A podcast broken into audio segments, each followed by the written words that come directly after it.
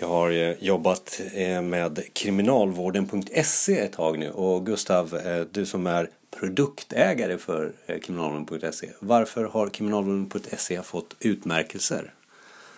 Ja, i grunden är det väl en bra sida som utarbetades 2014 där vi tog nya grepp för att förstå våra användare. Och sen har vi väl förvaltat den bra och fortsatt rida på den vågen för det nytag som tog 2014. Eh, utvecklat med en blogg som inte fanns då och en barnanpassad sida som heter Insidan.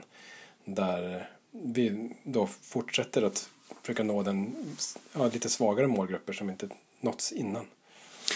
Det är inte många som är inblandade i en kriminalvård utav Sveriges befolkning eh, och man kanske är lite nyfiken på vad det är för någonting som, eh, som, som kriminalvården.se då som är en publik sajt eh, ska göra för någonting. Mm. Vi, vi, har nämnt blogg här och insidan. Det är väl sådana insikter som kanske inte gemene man förstår sig på. Specifikt, specifikt är insidan tycker jag är ett jättebra exempel. Mm. Hur är responsen där? Eh, det är ju mer på individnivå att man märker att barn och anhöriga eller personal på skolor hör av sig och frågar behöver den här informationen och den här sidan fångar upp de här frågorna. Eh, för innan, det är ju en sån liten målgrupp, det är ju 30 000 potentiella barn då och att vi då når en, en bråkdel av dem det, och på ett kvalitativt sätt, det är ju det som räknas mest. Och det är just det som man kan göra kanske också som en myndighet att, att, att mm. verkligen eh, fokusera på de svaga och, mm. och, hitta runt omkring det. Är det några mer exempel på kriminalvården.se som du vill säga så här, det här har vi lyckats med eh, och det är därför jag har fått de här uppmärksam, den här uppmärksamheten?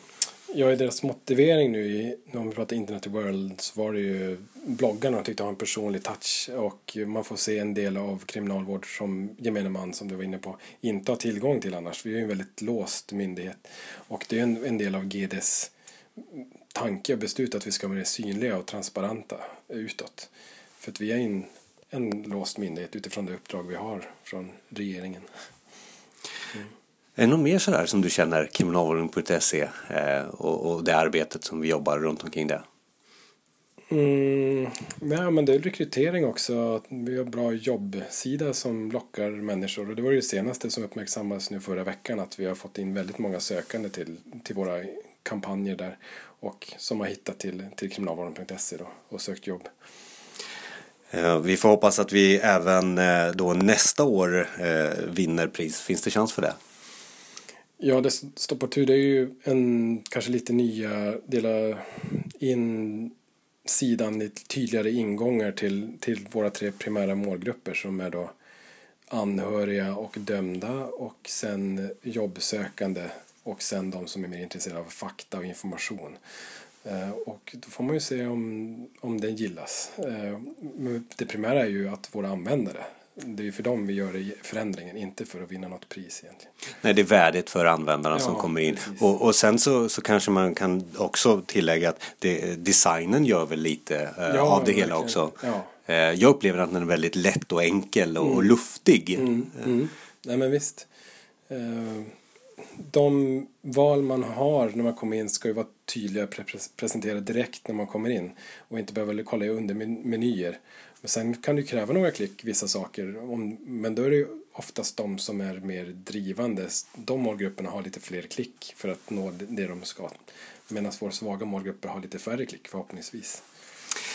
Sista frågan Gustav. Du som är eh, ansvarig eller produktägare som heter runt eh, kriminalvården.se. Vad är du mest stolt över?